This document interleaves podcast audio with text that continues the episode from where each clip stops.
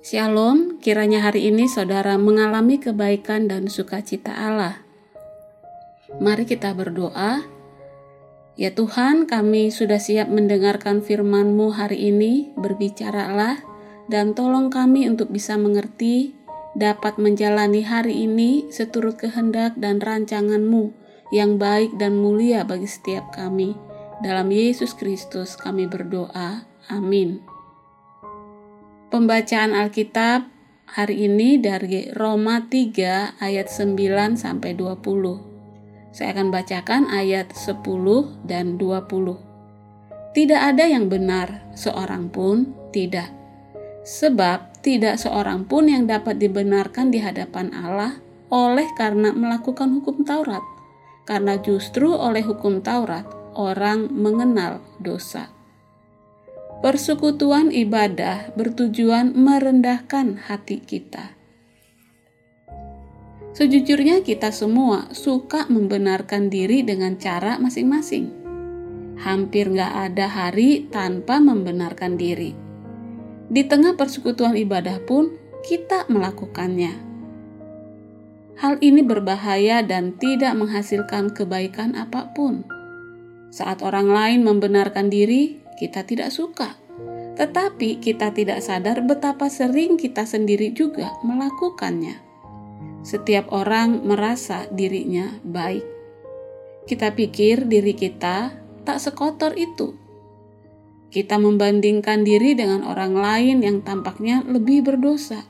Kita menipu diri dengan membayangkan diri kita lebih baik daripada yang sebenarnya kita memeriksa diri dengan berkaca pada cermin-cermin yang tak sempurna, bukan pada satu-satunya cermin yang sempurna dan jernih, yaitu firman Tuhan. Kita mengingat-ingat perbuatan baik yang pernah kita lakukan.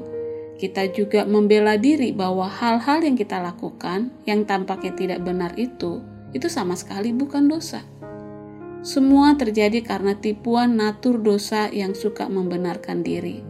Setiap hari kita berusaha menebus kesalahan dan menyucikan diri sendiri, sehingga kita merasa tidak membutuhkan anugerah Sang Juru Selamat yang setia dan penuh kasih. Semua orang cenderung menjauh dari kebenaran radikal yang diakuinya itu. Itulah bentuk penyangkalan dosa dan meremehkan anugerah, satu-satunya harapan bagi orang berdosa. Allah mengenal kecenderungan itu. Dia tahu betul akan adanya pembenaran diri dalam hati kita semua. Allah tahu bahwa kita merasa baik-baik saja, padahal sebenarnya tidak. Karena itu, Ia memberi suatu jalan agar kita berulang kali diperhadapkan pada kebobrokan dosa dan kebesaran anugerah pemeliharaannya melalui pribadi dan karya anak domba, juru selamat penebus kita, yaitu Tuhan Yesus Kristus.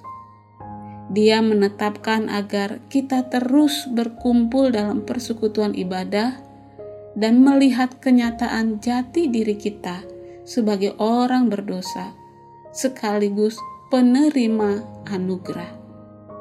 Menyadari karunia Allah yang cuma-cuma, kita tidak perlu lagi takut mengakui betapa parahnya dosa kita. Mengakui betapa kacaunya hidup kita karena dosa, barulah kita akan tersentuh oleh anugerah Kristus Yesus. Persekutuan ibadah memperhadapkan kita pada kenyataan bahwa sesungguhnya kita lebih buruk daripada yang kita sangka, dan bahwa anugerah Allah lebih dahsyat daripada yang bisa kita bayangkan. Kita perlu terus-menerus diingatkan akan hal ini, hingga kelak dosa tidak lagi, tidak ada lagi, dan kita bersamanya, serupa dengan Kristus selamanya. Persekutuan ibadah bukan semata kewajiban bagi orang beragama, melainkan sebuah karunia dari Allah sumber anugerah. Saudara, mari kita berdoa. Tuhan, dengan rendah hati kami mengaku bahwa tidak ada yang benar dalam diri kami tanpa anugerah-Mu. Terima kasih atas firman-Mu yang mengingatkan dan membimbing kami lagi. Berkatilah hidup dan pekerjaan kami hari ini, ajar kami untuk mengalami kerendahan hati-Mu, dan kami juga boleh mengalami persekutuan ibadah dalam bersama saudara-saudara seiman kami. Dalam Kristus Yesus kami berdoa. Amin.